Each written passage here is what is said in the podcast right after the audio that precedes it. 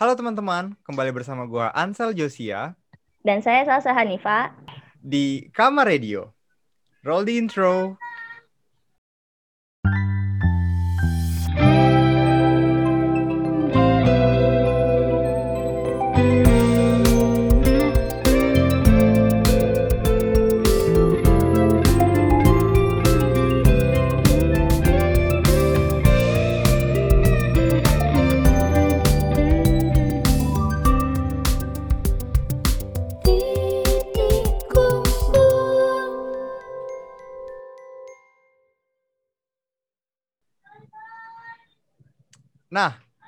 Salsa, eh, ini kan di Apa? penghujung tahun ya. Mungkin kalau podcast ini Iya. rilis, ini udah di hari terakhir tahun 2020. Iya nih, Mungkin. benar Ah, penutup.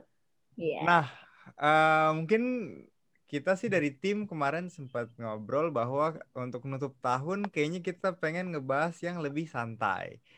Tapi sepertinya ini tidak santai-santai sekali juga ya, Sal, karena temanya horor nih, Sal. Waduh, sempet nanya-nanya teman-teman kamu juga nih kayaknya kemarin tuh. Nah, bener. Jadi teman-teman yang belum tahu kemarin tuh kita sempat bikin eh, que- question box ya di Instagramnya Kama untuk nanya pengalaman teman-teman khususnya teman-teman arkeologi soal bagaimana atau apa aja pengalaman horor yang pernah dialami mereka selama eh, berkuliah sama pas KKL juga. Nah, berhubung Yai. saya tidak pernah merasakan KKL. Nah, jadi mungkin gue lebih banyak bakal ngebahas yang ada di kampus kali ya, Sal. Yai. Tapi kita juga bakal bahas tentang KKL, bahkan kita punya narasumber yang udah kerja, eh, yaitu Mas Indra Eka, eh, arkeologi angkatan 2009. Hai Mas Indra. Hai. Hai Sal. Halo Mas Indra, terima kasih sudah hadir Mas Indra di podcast terakhir kita nih di tahun ini. Oke. Terakhir. Mm-mm. Nah, eh, jadi mungkin kita bakal ngebacain dulu ya. Tapi mungkin ini sistemnya kita eh, talk show ya. Jadi kalau misalnya ada yang ingin dikomentari, ya langsung aja Mas. Nah, yang pertama nih, mungkin kita ngisi yang ngebacain dulu apa eh, question question boxnya. Yang pertama nih dari Gabriel Ananta. Pengalaman horor apa aja yang pernah dirasain di kampus? Banyak. Nah, mungkin kurang spesifik ya Gabriel Ananta. Tapi ini di bawahnya nih ada yang lebih spesifik nih. Jadi menurut Aryo Febrianto, biasanya selalu salah bedain mau ke gedung 6 sama gedung 4. Apalagi pas maghrib. Waduh, Asli. Temen gue juga pernah cuy itu. ngebedain gedung 6 kejadian dan katanya. gedung 4 ya. Eh, karena deket kan. Gimana tuh Mas Indra? Pernah nggak dengar cerita kayak gitu? Ngebedain eh, gedung 6 sama gedung 4.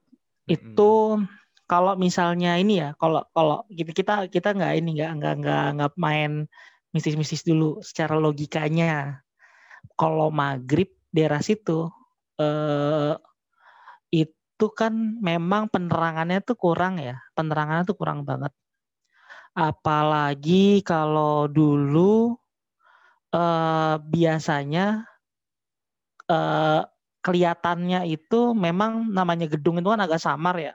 6 sama 4, tapi memang eh karena gedung itu sebenarnya deket-deketan, tapi nggak deket terlalu deket juga sih. Tapi dua gedung itu tuh punya cerita yang beda. Tapi eh, orang-orang tuh lebih taunya bukan orang maksudnya bukan nggak cuma ini ya lingkungan UI ya malah nggak cuma lingkungan FIB itu sempat masuk acara insert investigasi. Dulu dulu gue pernah apa pernah Waduh. pernah pernah kaget juga. Dulu dulu ada ada ada masanya juga. Apa namanya ketika booming booming waktu itu itu gedung 6 adalah gedung salah satu gedung yang di apa yang pokoknya ada. Dia di, masuk shot banget gitu kan dan dia memang diceritain eh, betapa wingitnya gedung itu sih gitu kan. Ah, banyak banyak ceritanya apa uh, soal soal itu. Mungkin lanjut aja kali ya. Ntar kita ntar ngalir gitu karena uh, kita juga pengen dengar juga nih dari yang lain-lain uh, tentang apa apa aja sih pengalaman-pengalaman mereka ntar biar gue apa masuk-masukin semua apa yang pernah gue lakukan juga gitu kan investigasi lah kecil-kecilan gitu. Asyik, ya ya siap mas siap. Saya bacain lagi ya mas. Selanjutnya Oke ini lanjut. Hmm, dari Haifa Kak Haifa 18 uh, Haifa ngomong kalau waktu itu lihat dari luar jendela jendela ke dalam kelas udah ada dosen, jadi buru-buru masuknya. Taunya pas masuk kelas nggak ada dosennya. Nah, ini kayak cukup sering ya, Mas, uh, terjadi nih kayak kejadian-kejadian serupa seperti ini. Di mana-mana itu kalau ini di mana Hmm. itu di mana-mana. Cuma nanti deh kita cerita gimana kalau kondisinya dibalik.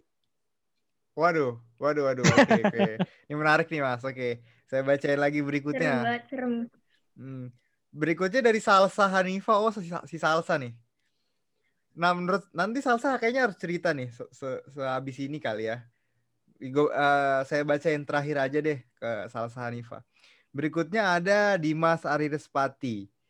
Digangguin pas ngurung ngurus dekor tugas besar 2019 di samping gedung 6. Nah, kurang spesifik diganggunya seperti apa, tetapi Dimas ini pernah mengalami kehilangan dompet, Mas.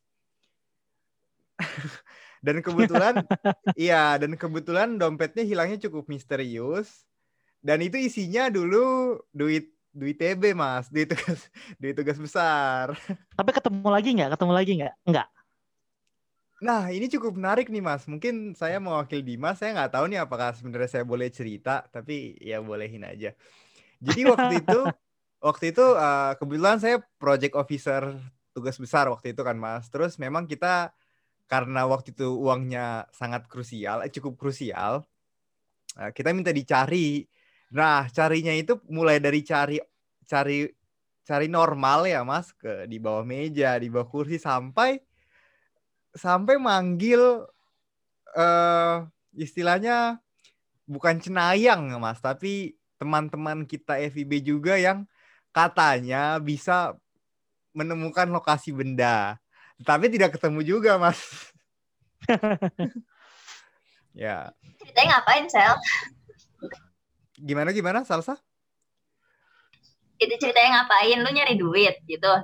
Iya dompet itu isinya uang TB waktu itu dan uh, emang nggak ketemu juga sih endingnya oh. tapi hilang hmm, hilang dompetnya hilang mungkin ini kali ya di gedung 6 juga soalnya waktu itu tempatnya uh, berikutnya Berikutnya dari Mirza.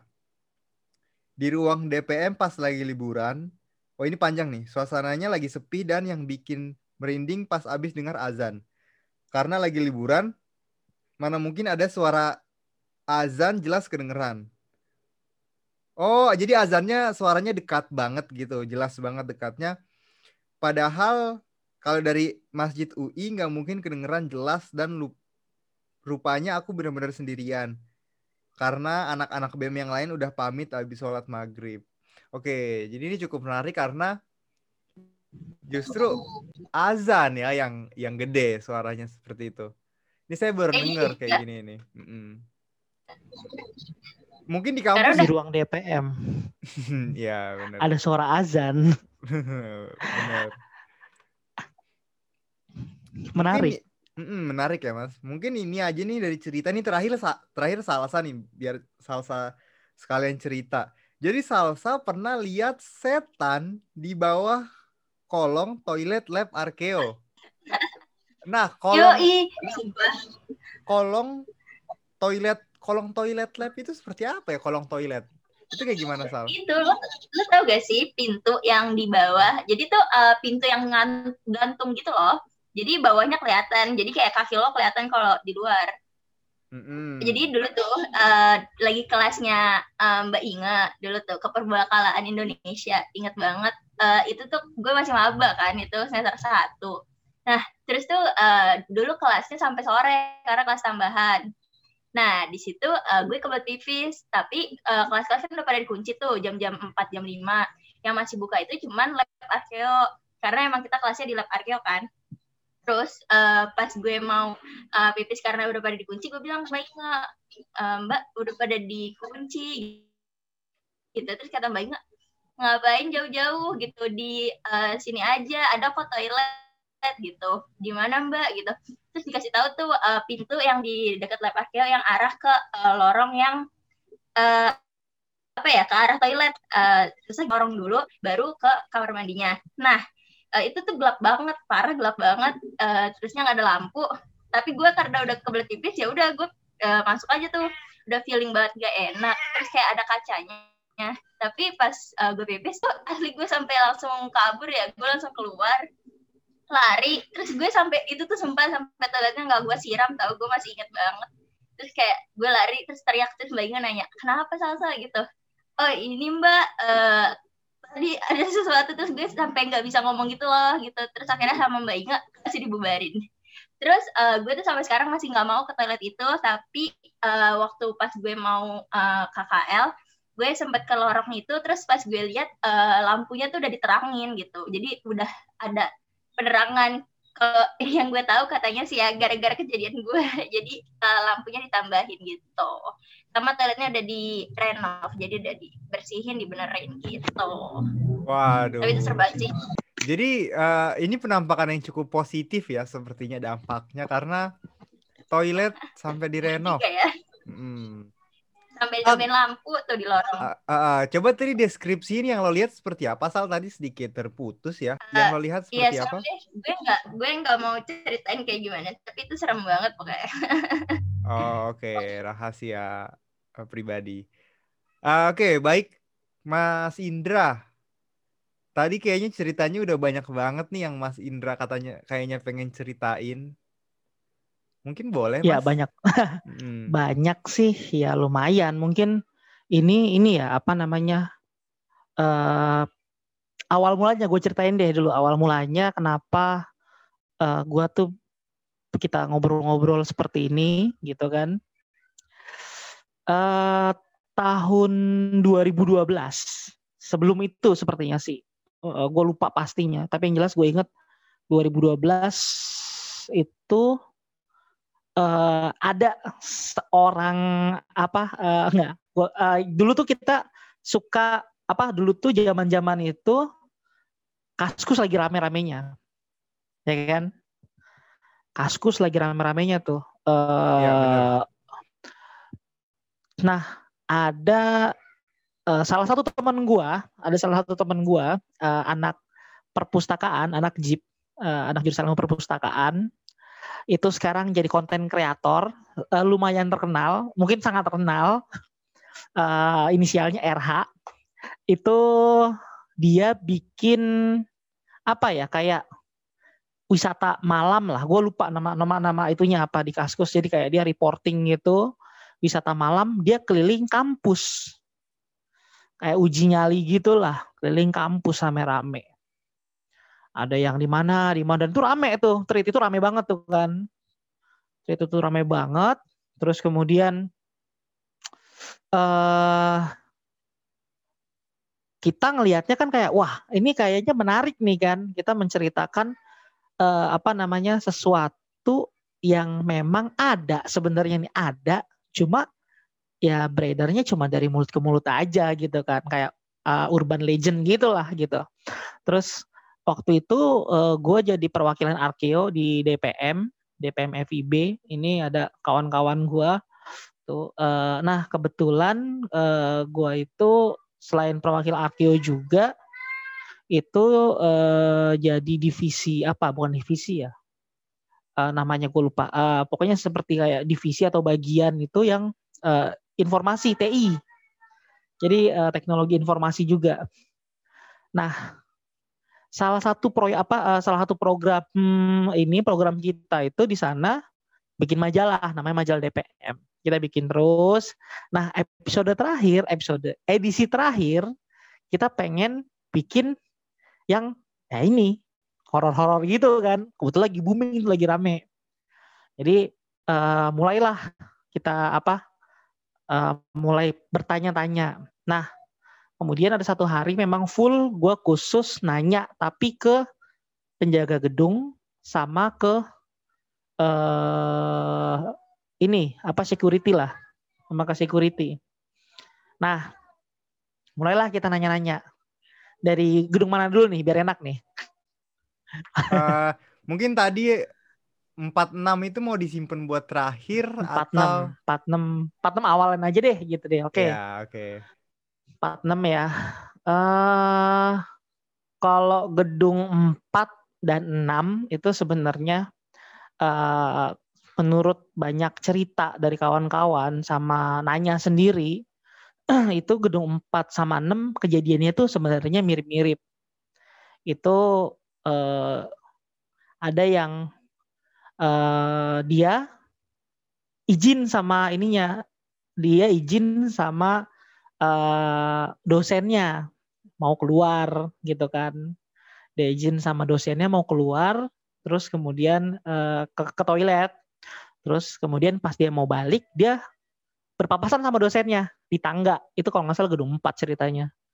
Uh, di tangga gedung 4 berpapasan gitu kan. Terus uh, ditanya, uh, misi Pak, saya ini izin uh, untuk ke itu tadi Bapak ya terus naik.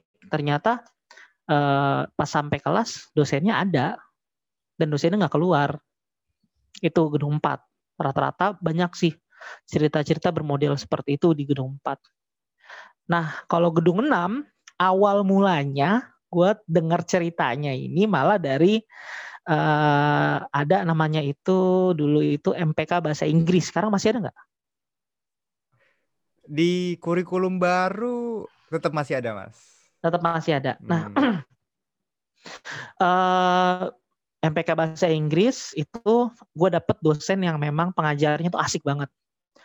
Uh, gua kasih inisialnya deh. Mister Y. Laki-laki.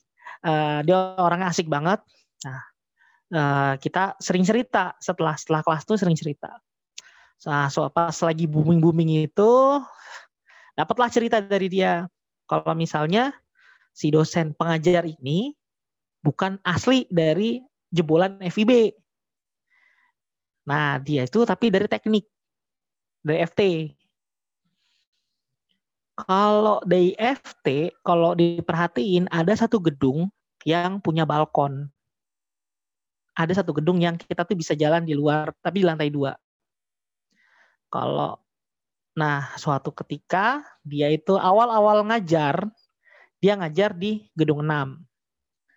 Dulu itu ada istilahnya itu eh, pas pas awal dia ngajar dia cerita uh, bisa kelas tuh sore sore tuh bisa menjelang menjelang maghrib tuh bisa kelas itu sore dia ngajar di gedung 6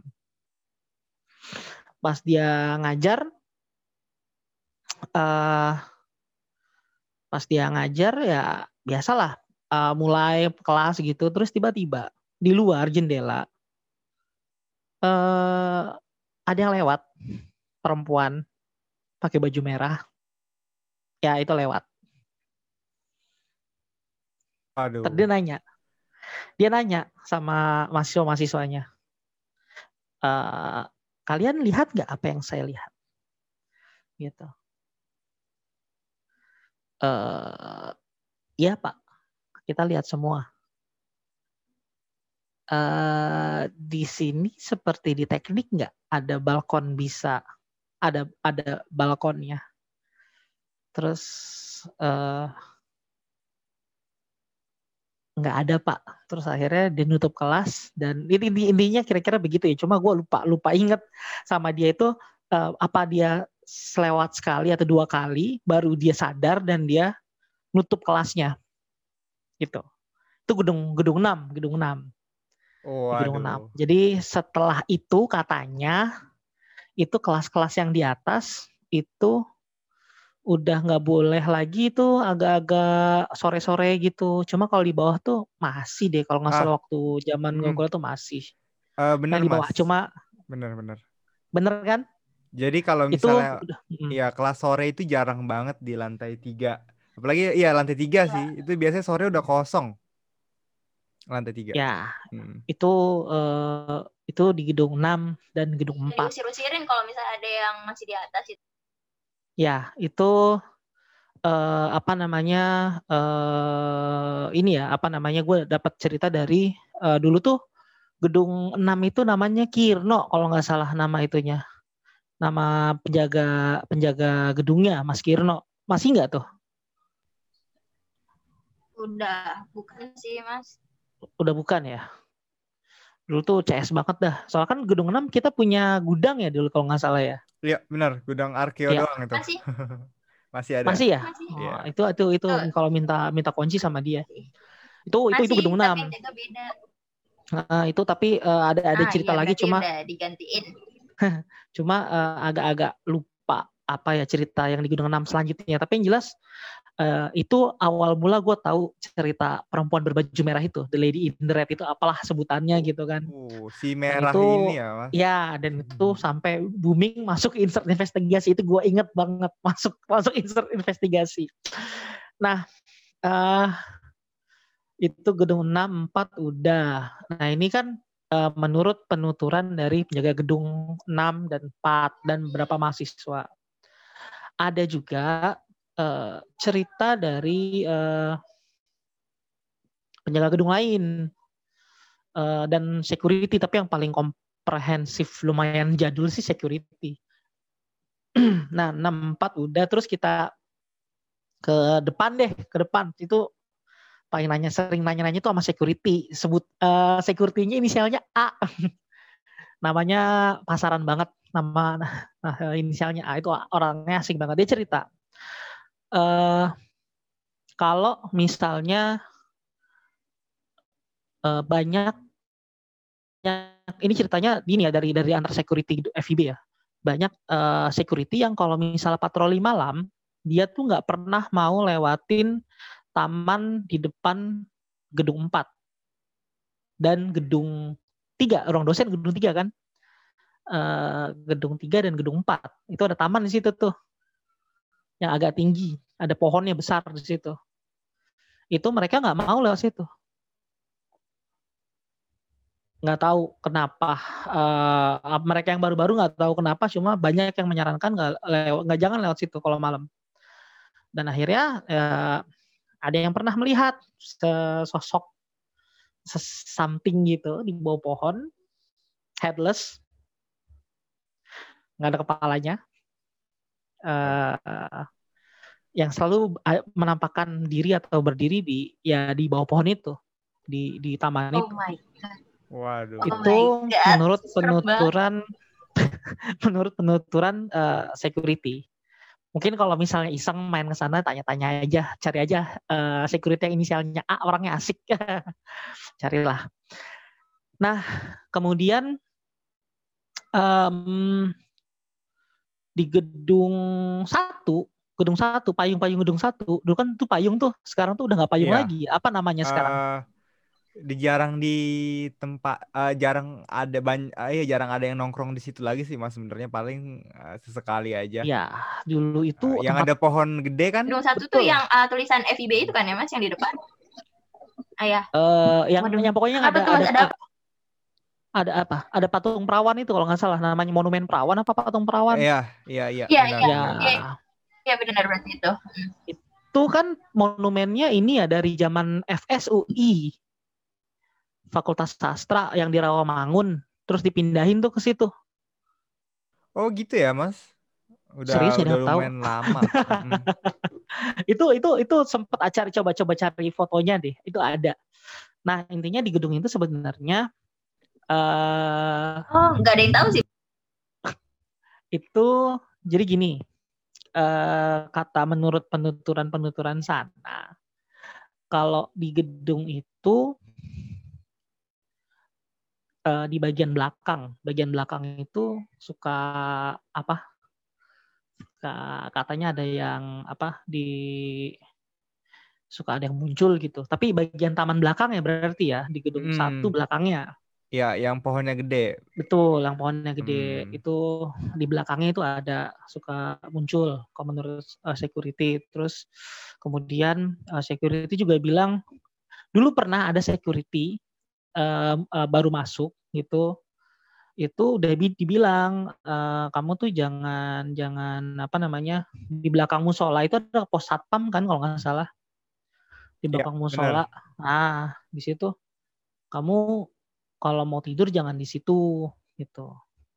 Nah, tapi dia lupa dia ketiduran. Eh, dia ketiduran, dia tidur di situ, pas bangun terus tiba-tiba ada sesosok yang melihat dia dari atas jendela itu. Dari jendela di dari luarnya gitu. Tuh. Waduh. Ya, terus eh, waktu dulu eh, kantin sastra itu dipindahin ke mana? Ke belakang apa? Ke tempat parkir motor. Wah, itu Iya, kantor jadi bilangnya. Kantin kantor motor. ya, kantin motor. Iya, disebutnya. Nah, di situ Zaman-zaman masih nge coba ya, coba di cross check ya. Ini menurut penuturan satpam itu nggak ada anak kantin yang mau tidur di situ. asli betul banget. nggak ada anak kantin yang mau tidur di situ. Nggak ada yang mau tidur. Biasanya kan tidur di kiosnya Ada. kan gitu kan sekitar sekitar situ gitu. Nggak ada anak kantin uh, penjual penjualnya gitu. Maksudnya yang muda-muda yang biasanya klien-klien gitu. Ada yang nggak ada yang mau sampai Iya, iya, biasanya di Kansasnya tuh bisa sampai pagi bahkan. itu menurut penuturan uh, security itu ada rumpun bambu di belakangnya. Itu dia sering lihat uh, ya sosok-sosok macam-macam lah gitu di rumpun bambu itu itu uh, lumayan banyak sih cerita-cerita mengenai itu mengenai apa mengenai kemunculan sosok-sosok tertentu di rumpun bambu itu. Nah uh, itu itu itu uh, terus dulu itu satpam juga sering mergokin orang-orang yang cari pusaka sih. Itu menurut uh, mas satpam ini ya dia uh, banyak mergokin orang-orang yang nyari pusaka. Nyarinya di mana? Nah nyarinya di uh, pohon besar yang ada di depan gedung satu di situ Oh, Sama- gitu ya, Mas. Iya, betul sekali. Dan apa eh, di situ katanya sarang ular gitu. Kalau nggak salah waktu itu saya sempat lihat juga sih di situ eh, apa namanya eh, cleaning service pada pas lagi ngebersihin sekitar situ muncul ular. Itu siang-siang kondisinya di depan payung-payung itu kan kita lagi pada duduk gitu. Ya, saya juga lihat gitu ya ada ular di situ. Oke. Eh, lumayan lumayan agak spooky. Itu ada sarang kobra. Pokoknya spooky beneran ya, bahaya juga kalau Iya, ini mau yang skeptis, Hmm. mau yang tidak bisa ngelihat, nah, sama-sama bisa digigit kobra ya, Mas. Iya, hati-hati pokoknya ya. Kalau di depan gedung Oh, iya. satu. Terus kita lanjut lagi ngobrol-ngobrol sama eh eh, ini nggak ngobrol, ini cerita mungkin ya. Mungkin eh, ada kaitannya antara gedung 9 dan yang ada apa? Yang biasa tempat anak-anak jeep ngumpul itu gedung berapa? 7 ya? Eh, Delapan, Mas. Lap- Yang Delapan ya? seberangnya ya. 8 ya? 8 ya. Hmm. 8 dan Iya, tu- delapan. dan 9. Ya. Kalau gedung 9 itu ngobrolnya sama eh, dulu itu ada namanya eh, yang jaga gedung 9 Pak Marsya dulu. Sekarang mungkin udah pensiun karena waktu zaman itu udah tua juga Pak Marsya. Tapi di gedung 9 ada juga yang ngejagain auditoriumnya. Lupa siapa namanya. Itu kita ngobrol-ngobrolnya lama malah sama dua orang ini, Pak Marsya dan penjaga eh, auditorium gedung 9 dari Pak Marsya dulu. Mungkin kalau misalnya yang suka eh, ikut kegiatan-kegiatan mahasiswa tuh, wah gedung 9 tuh udah bisa kayak rumah kedua lah gitu kan ya nongkrongnya di situ apa segala macem. Pak Marsya tuh cerita kalau di gedung 9 itu eh, wilayah-wilayah tertentu, wilayah beda beda yang handle. kalau kita ini ya kalau misalnya banyak banyak cerita itu itu di eh, dulu itu di sekarang apa namanya kalau dulu namanya sekretariat eh, IKM dulu tuh namanya sekre Iya, benar. Gedung Sekarang namanya masih? kan. masih Hmm, masih namanya sekre bukan Iya, sekarang Oh, bagus sekarang tuh HMJ. Jakarta. HMJ ya AMJ. HMJ, ya sama HMJ sih ya. dulu sekretariat Hmm. HMJ juga Iya, di situ HMJ. juga tapi kan Hmm. sekarang kalau nggak salah udah bagus ya udah terbuka mau bukan terbuka mau tak kelihatannya kelihatan dari luar tuh kelihatan Berkaca-kaca gitu, Mas. Kaca-kaca. benar, Nah, terbuka. dulu itu model tuh bilik-bilik setiap HMJ punya bilik bayangin FIB ada berapa HMJ-nya HMJ maupun uh, organisasi fakultas apa namanya ada kayak semacam uh, koperasi uh, koperasi koperasi mempunyai tempat sendiri koperasi ya kayak misalnya formasi terus kemudian ada yang apa sepak bola itu apa itu namanya hmm, iya, iya. ada uh, combat uh, badminton gitu badminton, ya mas ya itu tapi ya. tapi itu terkenal tempat base campnya anak arkeo kira itu tempat uh, nongkrongnya anak arkeo dulu Nah, itu kan berbilik-bilik. Biasanya memang bukan nggak bukan yang nggak kepake sebenarnya, terpakai cuma berapa saat saja. Apalagi dulu ada namanya petang kreatif. Kalau biasanya habis petang kreatif itu jadi gudang untuk properti, banyak banget. Banyak banget uh, gudang uh, jadi kayak gudang gitulah berserakan. Nah, tapi itu nggak cuma satu atau dua orang yang pernah ngalamin. Ada lebih lah, banyak lah. Saya Pak Marsyanya sendiri. Itu di antara bilik-bilik itu sering ada anak kecil lari-larian. Itu yang diceritakan uh, banyak, banyak banyak banyak uh, cerita. Itu ada anak kecil, ada anak kecil sekitar situ. Entah anak kecil siapa ya, tapi yang jelas ya banyak yang ngalamin anak kecil yang lari-larian gitu. Terus lantai dua nih ada ruang BEM ada ruang DPM uh, kalau di ruang DPM kan biasa kita rapat sampai maghrib. Saya nggak tahu skema ruangannya seperti apa kalau sekarang ya. Kalau dulu itu uh, ada satu lemari di belakangnya itu kita kasih ruang kecil gitu itu biasanya buat istirahat. Itu biasanya buat istirahat santai lah gitu. Entah mau tidur entah mau main laptop di situ.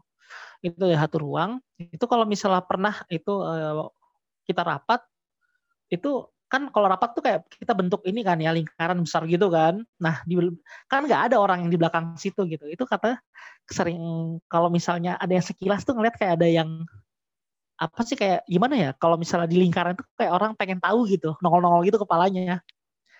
Ya itu itu sering tuh kalau misalnya rapatnya agak-agak malam atau habis maghrib gitu. Itu sering itu DPM ruang BEM saya ngebem di situ tuh belum belum banyak inilah banyak cerita tapi di toiletnya ini pernah itu kejadiannya nggak nggak lama kejadiannya uh, pas saya ini pas apa namanya saya ini ya nanya-nanya sekitar seminggunya lah kira-kira jadi ada ada anak teater jadi kan dulu kalau anak teater latihan itu dia di antara ruang BEM dan DPM dulu tuh kayak ada ruangan di situ. Ingat nggak? Ada nggak ya? Masih ada nggak sih ruangan itu? Halo? Masih ada kok mas. Teater sastra kan ya? Iya masih ya. mas, masih mas. Ya. Masih. Um, jadi ada anak yang ada perempuan, saya lupa namanya anak perempuan itu dia mau ke toilet. Dia mau ke toilet, itu kan ada dua toilet. Kalau kita buka uh, toilet itu pasti kalau dulu kalau dulu kita buka itu langsung kelihatan wastafel. Ya, Jadi wastafel itu di ujung, wastafel di ujung. Bener mas. Masih nggak? Belum diganti ya modelnya ya? Belum. Belum.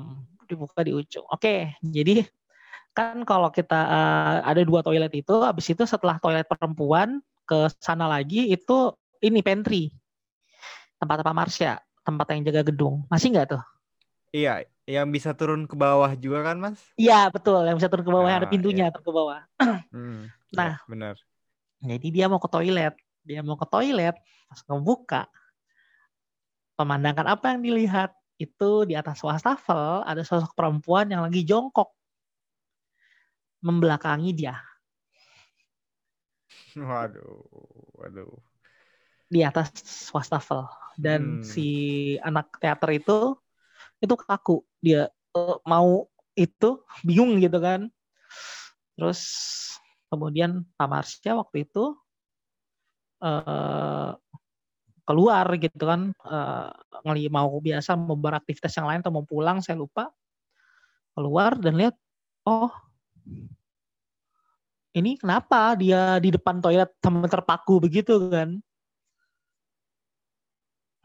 Dan pas selesai itu uh, dan Pak Marsnya bilang itu saya juga lihat gitu kan. Apa dan uh, dan dia langsung lemes gitu langsung cerita gitu. Dan itu memang ya hal-hal yang hal-hal yang uh, biasa gitu. Menurut Pak Marsnya biasa di situ ada ada ada seperti itu.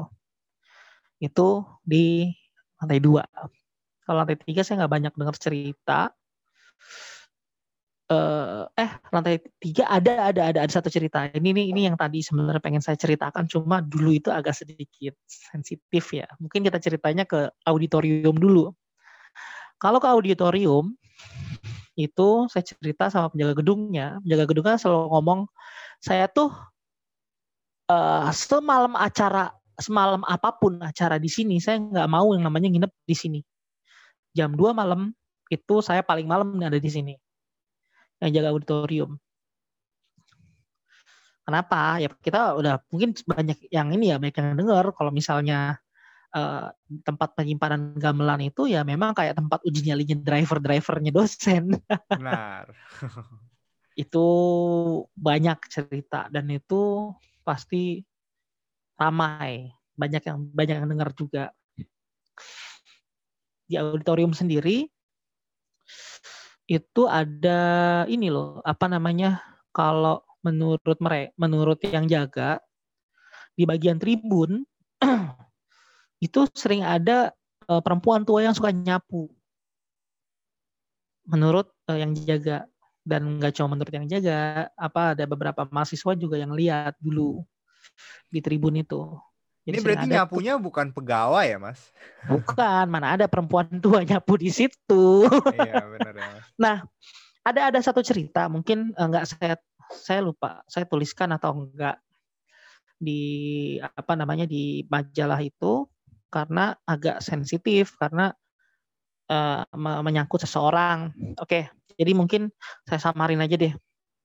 Jadi pernah ada satu acara acara salah satu jurusan itu diadakan di dekat teater daun. Pokoknya di ini deh, di parkiran belakang situ.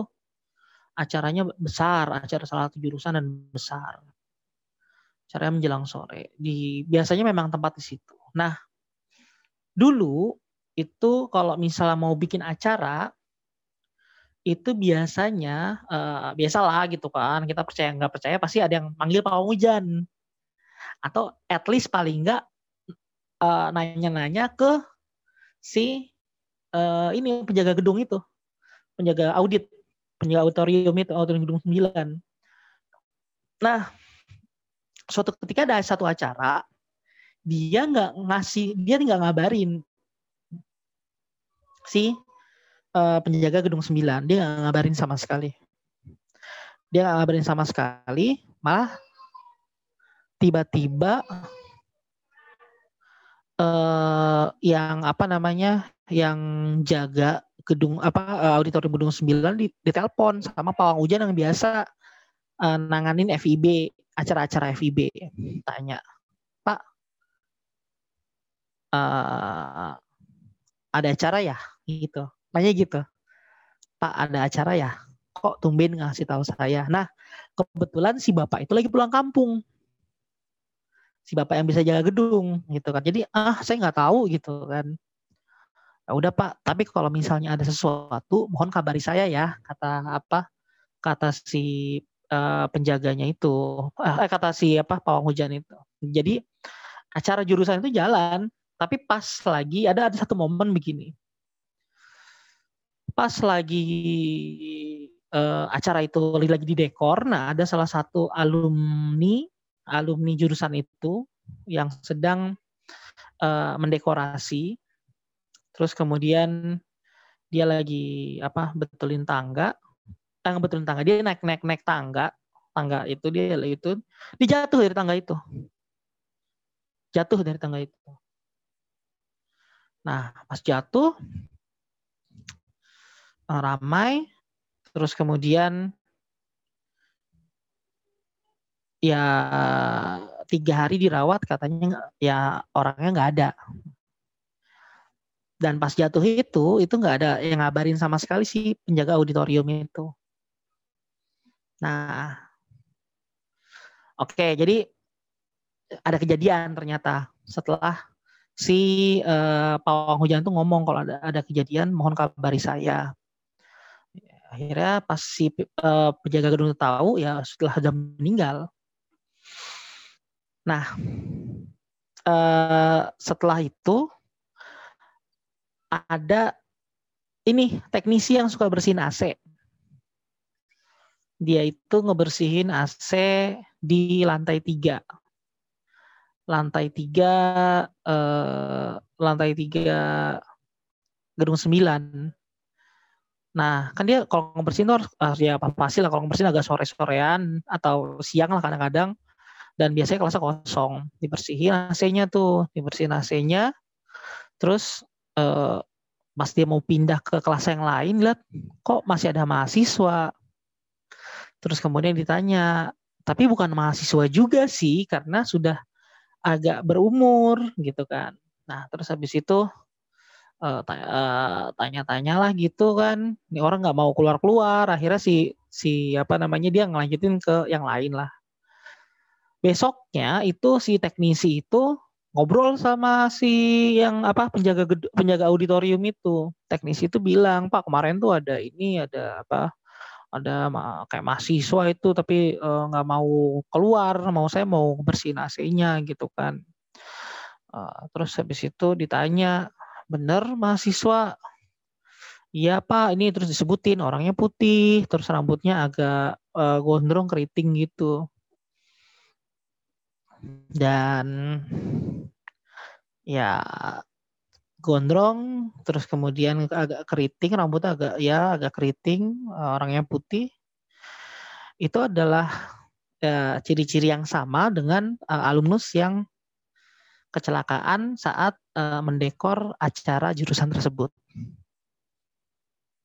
Oh. Itu di apa cerita dari yang yang tidak saya ungkapkan di majalah itu kalau nggak salah karena agak sensitif. Mungkin nggak tahu masih ada yang tahu ceritanya atau enggak. Tapi yang jelas semua orang tahu bahwa ada kejadian kecelakaan itu jatuh dari tangga itu.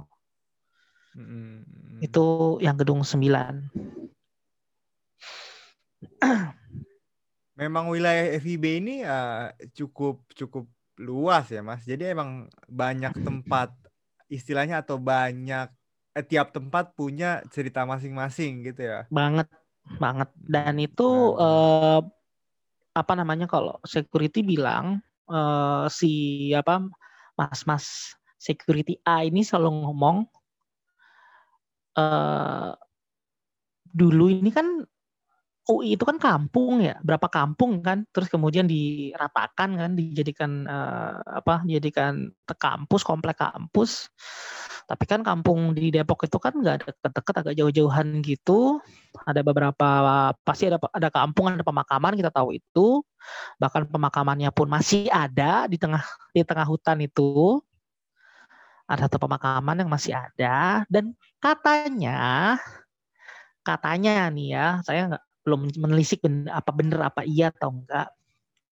Itu menurut satpam tersebut bahwa eh, di belakang itu di belakang apa di daerah eh, belakang apa namanya belakang gedung 6 itu dulunya katanya ya pemakaman dulunya katanya itu terus kemudian dia bilang juga apa namanya kok uh, ada penasaran nggak sih kenapa di apa namanya di jembatan antara teknik dan sastra tersebut kenapa bagian yang di tekniknya setelah jembatan tangga turun itu langsung jalan dan kenapa di bagian sastranya setelah tangga turun itu ada jalan yang bentuknya melingkar? Menurut satpam itu dan apa apa kayak tur, tuturan lah cerita urban legendnya turun temurun katanya ya spotnya the lady in the red itu katanya di tengah-tengah itu katanya. Oh, itu menurut waduh. itu menurut penuturan urban legend. Ya urban ada, legend ya, yang dituturkan si uh, security itu. Itu turun temurun. Ya uh, ya kalau misalnya masih penasaran ya monggo dicari. Dan ditanyakan sama yeah. apa itu. Dan waktu tahun-tahun itu kan 2012 13 itu kan gedung 10 baru jadi tuh. Nah, gedung 10 baru jadi Ya, juga benar, langsung benar. ditempatin. Itu juga banyak ceritanya. Itu juga kata menurut apa security ya itu pada pindah ke situ tuh pas gedungnya baru jadi tuh ya. Oh. Hmm. Jadi ada apa ya beberapa penghuni-penghuni sana itu katanya pindah ke gedung itu, gedung 10. Gedung 10 ya, Mas. Jadi lumayan lama eh, lumayan lama juga apa namanya kegiatan perkuliahan itu nggak langsung ada di situ ya entah bab- alasannya apa cuma mungkin kalau security bilang dan anak-anak yang lain bilang ya, ya karena itu itu itu ini yang di FIB ya maksudnya sampai muncul segitunya banyak cerita begitu yaitu narasumbernya itu dari penjaga gedung terus kemudian security security di situ mahasiswa-mahasiswa yang ber apa beraktivitas sampai malam di apa namanya di di sana gitu kan. Jadi terus kemudian ya panitia-panitia PSA Mabim itu pernah merasakan terutama anak-anak disiplin. Itu apa rapat sampai malam terus tidur di depan eh, gedung 8 terus kemudian ada sesosok yang melompat-lompatinya. Itu itu itu udah tutura udah udah ini cerita-cerita yang lumrah gitu saat itu maksudnya udah udah sering akhirnya kita coba untuk eh, membuatkan majalahnya gitu. Cuma saya korek-korek cuma dapat yang artikel yang saya tulis. Itu itu itu itu itu yang terjadi di FIB ya yang di luar FIB lebih baik lagi ceritanya fenomena-fenomena pada saat itu lebih Iya, banyak lagi ya mungkin ya Ah. bisa dicari sendiri tapi itu Nah. yang jelas eh, ya pengalaman saya dalam melakukan investigasi di sana ngobrol-ngobrol di sana dan wah Hmm. gitulah Ya. kira-kira Hmm. Nah, gitu teman-teman. Jadi eh, ini adalah eh, hasil reportase yang pernah ditulis oleh Mas Indra langsung ya. Itu berarti di tahun 2012. 12 Heeh. bersama rekan-rekan eh, DPM yang lainnya Hmm, hmm. 2012 itu kebetulan saya yang mereportasenya dan di, ditemenin sih sama satu lagi eh, itu apa namanya eh, dia apa ya penanggung jawabnya ya ditemenin jadi kita ngobrol-ngobrol aja keliling sore-sore itu nyari-nyari apa eh, security nyari-nyari eh, penjaga gedung yang belum pulang kita tanya-tanyain tapi yang rata-rata yang saya tanyain kalau nggak salah pensiun sih udah lama ya udah pada tua juga itu sih cerita Hmm. yang saya dapat dalam reportase itu kira-kira. Nah, benar-benar. Tapi menurut saya sih Mas, cerita ini biarpun ditulis 8 tahun yang lalu atau hampir mungkin hampir 9 tahun yang lalu ya, tetapi masih terasa fresh gitu loh Mas. Karena eh, ini adalah kejadian-kejadian yang serupa dengan yang dihadapi sama eh, teman-teman kita di FIB sekarang gitu sih Mas. Jadi ya tidak outdated sih Mas menurut saya ya cerita-ceritanya karena ya kayak tadi cerita si mungkin yang paling ikonik sih itu sih ya Mas eh, Lady in Red itu ya. Iya itu itu Hmm. di mana-mana banyak yang tahu itu cerita itu Iya, banyak banget. benar, benar. Dan ya itu urban legend yang mungkin satu ya paling tidak anak FEB, anak teknik, anak eh FIB, ya FIB teknik sama FEB itu udah udah hatam lah gitu soal Lady in Red itu ya. Iya Dan hmm, emang ini sih Mas, maksudnya apalagi kan eh, mungkin saya nggak tahu ya, tapi mungkin kalau misalnya sekarang tuh eh, di FIB itu tuh ada semacam musim ramenya, jadi ada ganjil sama genap. Kalau ganjil tuh lebih rame biasanya, bener nggak Mas? Kalau tak semester ganjil, dulu kayak gitu juga nggak Mas? Ah, nggak tahu ya saya nggak nggak nggak nggak apa namanya nggak perhatikan kejadiannya semester ganjil atau genap. Mungkin karena gini, karena biasanya acara-acara besar itu Semester adanya ganjil. di semester Ah. ganjil. Ya itu gitu maksud saya kan. tadi Mas. Jadi lebih rame. Istilah Nah. anak-anak FIB itu lebih rame, bukan kejadiannya yang lebih Ya, rame. Eh, betul anak-anak betul. FIB lebih rame di semester ganjil kan dari dulu juga seperti itu. Jadi Dan apa namanya kayak kita itu apa ya dengan jadi gini ada ada satu satu satu satu ini ya satu yang bikin saya penasaran gitu pernah di snat dan di snatalis itu ada temanya kalau dulu. Kalau sekarang masih nggak tuh? Satu di snatalis ada temanya. Di snatalis FIB masih masih mas. Masih bertema masih, ya? Masih ada kok. Per ini saya, ya masih bertema. betul, saya lupa itu pastinya di tahun eh, berapa ya? Itu temanya itu tentang Jawa kalau nggak salah. Temanya Jawa. Jadi uh, ada acara ruatan, ruatan loh, serius sebentar ini ruatan loh. Ada acara ruatan di FIB. Bayangin.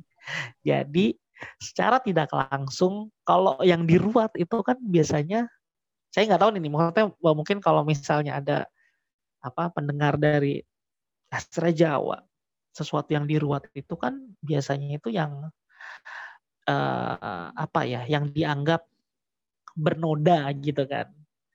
Yang dianggap sesuatu yang harusnya tuh clean, harusnya bersih, tapi dia ada satu noda atau sesuatu yang uh, apa ya kan kalau misalnya kita ada satu ini ya kita pernah uh, belajar mitosnya si apa kisah apa tuh yang dia itu uh, si Nakula Sadewa meruat uh, raksasi gitu kan sampai dia itu berubah menjadi kembali menjadi Dewi Uma gitu. Itu saya lupa itu uh, nama ininya apa. Tapi yang jelas kan diruat gitu kan untuk berubah dari satu yang negatif menjadi positif gitu kan. Itu taman arkeo diruat loh saya bingung loh. Taman arkeo diruat itu tuh kayak bekas-bekas kembang-kembangnya itu kan kayak oh kok di sini ada di sini ada gitu. Taman arkeo itu diruat loh.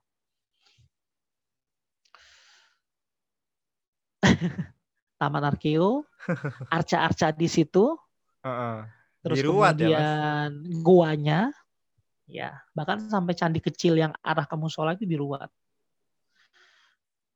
Ya, kita itu tahu saya cukup misalnya... bingung ya, Mas. Uh, karena emang rumor-rumor yang sering beredar juga uh, jadi kan kalau di FIB tuh ya kayak tadi banyak ospek yang terjadi bukan ospek sih ya, kegiatan jurusan nah yang terjadi di semester ganjil kan mas dan itu banyak yang mengharuskan uh, mahasiswa-mahasiswa baru itu uh, setahun yang lalu saya mendengar mendengar ceritanya bahwa ya banyak yang mengharuskan uh, uh, mereka di kampus sampai ya jam 8 jam 9 gitu Mas. Oh ini buat PK, PK petang kreatif. Uh, bukan, kalau itu kan petang kreatif semester genap. Ini saya dengar ceritanya oh. semester ganjil waktu itu. Semester ganjil. Jadi, uh, jadi banyak semacam ya osjur lah istilahnya gitu ya mas. Uh, waktu itu dan ini bukan anak arkeo sih ini uh, waktu itu saya dengar dari teman-teman saya di sastra Belanda waktu itu bahwa ya mereka melihat uh, sosok yang kebetulan mereka cukup larut malam jam 9 jam 10 gitu di FIB dan uh, waktu itu nggak ada acara jadi sepi dan mereka melihat se ya sosok lah dan itu tidak dilihat satu dua orang aja di di Taman Arkeo mas taman kita. Nah itu saya cukup merasa merasa unik ya karena uh, sebenarnya itu kan hanya miniatur ya yang kita gunakan sebagai uh, alat studi kita.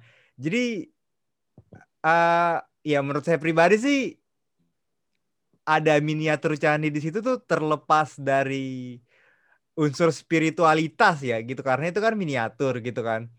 Nah, jadi sebenarnya mungkin ya ketika kalau misalnya mereka ada di situ ya kebetulan aja ada di situ kan Mas, bukan karena dibangun miniatur candi. Mereka di situ ya kita nggak tahu sih alasan mereka kan kita nggak bisa nanya gitu ya Mas, tapi uh, kayak menurut saya sih kalau misalnya ada stigma taman arkeo serem Sepertinya tidak sih Mas, mungkin kebetulan ya, aja ya Mas. Mungkin karena hmm. karena ini ya gini gini. Kalau kita sebagai anak arkeo kita biasa dengan candi, biasa dengan arca, biasa dengan ya benda-benda yang kata orang kuno, tua, uh, wingit dan sebagainya gitu. Cuma ada mungkin ya kita lihat dari sisi lain gitu kan bahwa eh arca itu nggak sembarang arca loh gitu kan Maksudnya uh, itu walaupun tiruan, walaupun imitasi, tapi itu kan satu banding satu. Maksudnya gini, kayak di Taman Arca itu kan ada arca arca sebentar saya ingat-ingat dulu. Itu yang ada ada arca apa namanya si Prajana Paramita. Tuh Oh, yang iya. bagus banget tuh. Ah, Eh, sampingnya itu ada arca yang Wisnu jadi apa namanya itu Narasima Narasima Watara ya kan? Yang ada dua ya Mas. ada ya arca Narasimha itu yang lagi ngomong ngebuka apa namanya dadanya siapa itu apa namanya raja siapa Iya, namanya itu lagi yang jahat itu. Ya terus sampingnya itu ada arca Buddha. Saya lupa mudranya apa itu. Sampingnya lagi itu kalau nggak salah Brahma. Bener nggak tuh? Apa Surya? Kayaknya- Surya apa Brahma? Apa Kayaknya Chandra? Nandi dulu deh Mas Nandi. Oh iya iya Nandi, saya lupa lupa urutannya. Nandi dulu Pokoknya deh, ada Mas. arca-arca. Itu kan satu banding satu, ya kan? Pertama arca itu satu banding satu. Terus kemudian eh, nggak eh nggak satu banding satu. Pokoknya itu kan kayak plek-plek gitu kan, di kopi gitu dari aslinya.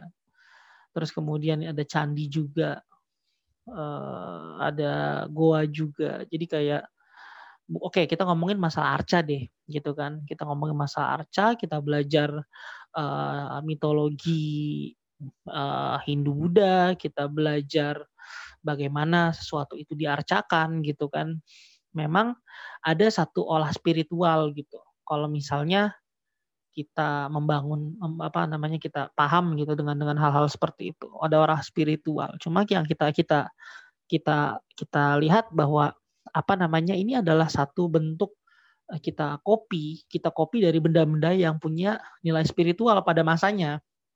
Gitu kan. Mungkinkah kopian tersebut itu ada auranya? Ya, saya nggak tahu lah pokoknya gitu kan ya.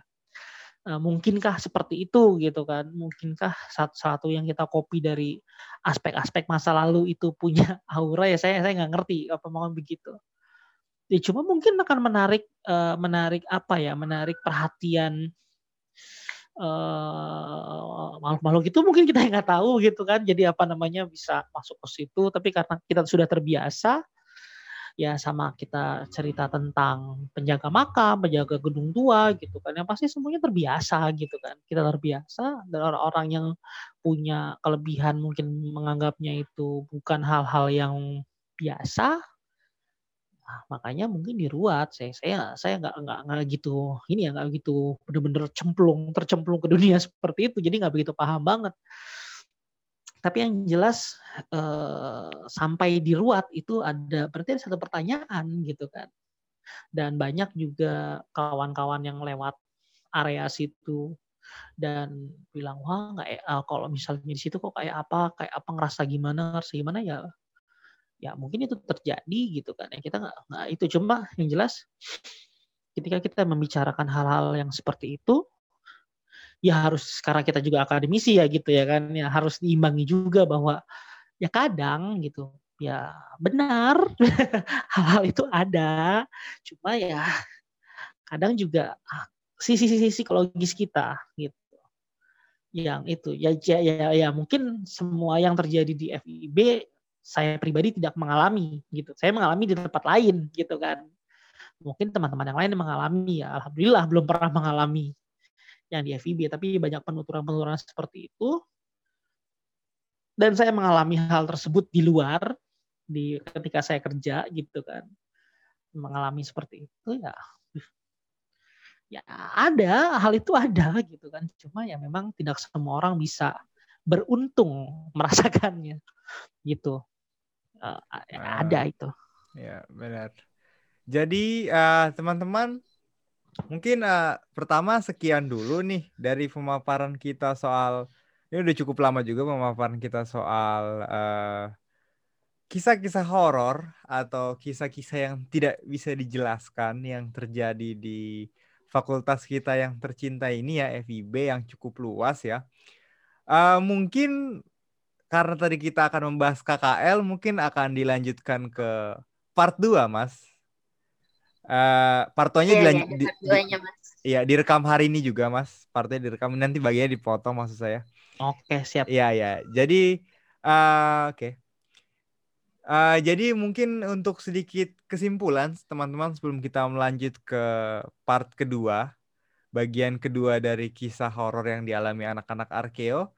Jadi pertama terima kasih kepada teman-teman yang sudah memberi feedback, teman-teman. Uh, terima kasih atas banyak cerita-cerita yang sudah diberikan.